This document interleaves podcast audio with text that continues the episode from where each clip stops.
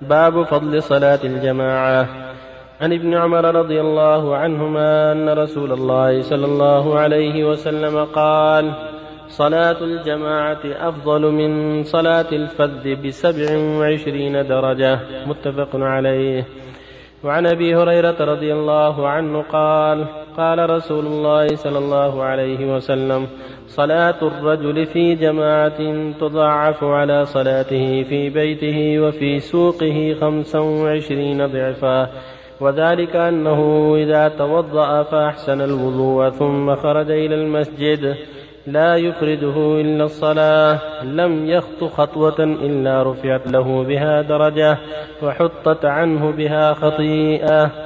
فإذا صلى لم تزل الملائكة تصلي عليه ما دام في مصلاه ما لم يحدث تقول اللهم صل عليه اللهم ارحمه ولا يزال في صلاة من انتظر الصلاة متفق عليه. وهذا لفظ البخاري. وعنه رضي الله عنه قال أتى النبي صلى الله عليه وسلم رجل أعمى فقال يا رسول الله ليس لي قائد يقودني إلى المسجد.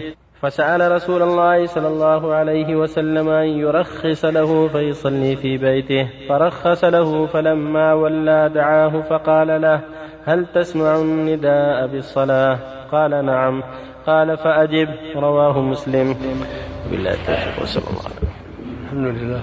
والله وسلم على رسول الله وعلى آله وأصحابه ومن اهتدى بهداه. أما بعد هذه الأحاديث الثلاثة كلها تتعلق بصلاة الجماعة. صلاة الجماعة شأنها عظيم فضلها كبير. فإن الله يضاعف بخطوات المؤمن إلى الصلاة حسناته ويرفع بها درجات ويحط بها خطيئات.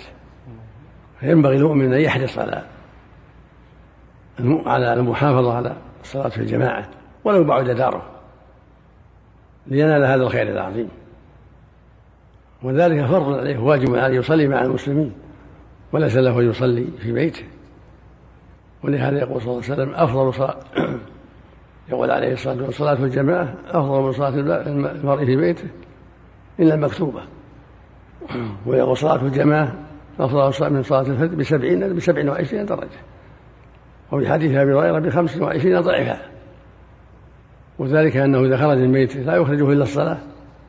لم يخط خطوة إلا رفعه الله بها درجه وحط عنه بها خطيئة. في حديث مسعود وكتب الله له بالحسنة. فإذا وصل المسجد لم تزل ما تصلي عليه. ما دام في مصلاه تقول اللهم اغفر له. اللهم ارحمه اللهم تب عليه. ولا يزال في صلاة من انتظر الصلاة. ما لم يؤذي أو يحدث. هذا من فضل الله العظيم. أن العبد تكتب له حسنات تحط عنه خطيئات.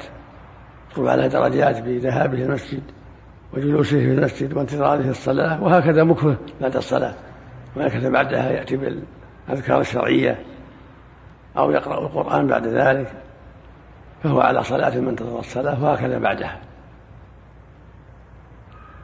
هو الملك يصلي عليه ما دام صلاة تقول اللهم اغفر له اللهم ارحمه. والسنة يطهر في بيته يخرج متطهرا في البيت عامدا للصلاة. وفي الحديث الثاني يقول صلى الله عليه وسلم لما أتاه الأعمى يا رسول الله يقول يا رسول الله ليس لي قائد يقود المسجد. فهل لي من رخصة أصلي في بيتي؟ فقال له صلى الله عليه وسلم هل تسمعني أنا بالصلاة؟ قال نعم. قال عجب. والأصل لا أجد لك رخصة. دل على أن يسمع النداء ولو كان أعمى ليس له قائد يتسبب حتى يصل المسجد.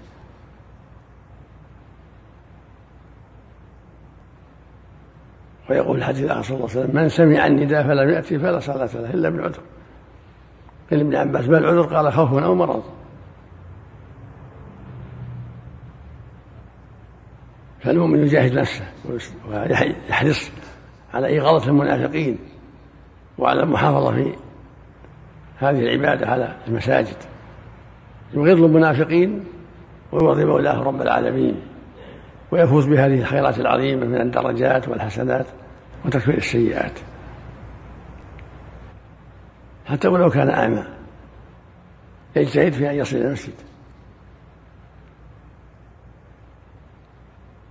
وقد ثبت عن صلى الله إنه هم أن يحرق على من تخلف بيته. وذلك يدل على عظم الأمر. وكثير من الناس يتساهل في هذا الأمر ويتشبه بالمنافقين في التخلف عن الصلاة. وهذه مصيبة كبيرة نسأل الله العافية. فالواجب الحذر. إن قال تعالى إن المنافقين يخادعون الله وخادعهم. وإذا قاموا إلى الصلاة قاموا كسالى. يراؤون الناس ولا يذكرون الله إلا قليلا.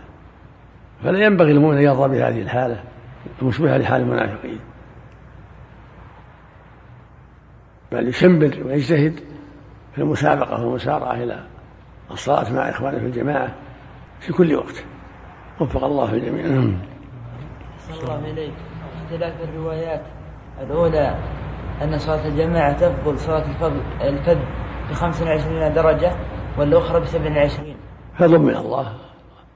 كانت 25 ثم زادهم زادهم سبحانه درجتين. فضلا من الله جل وعلا. يكون مقصود أحسن الله إليكم العدد لا مفهوم العدد لا مفهوم له نعم. اللهم المستعان اللهم المستعان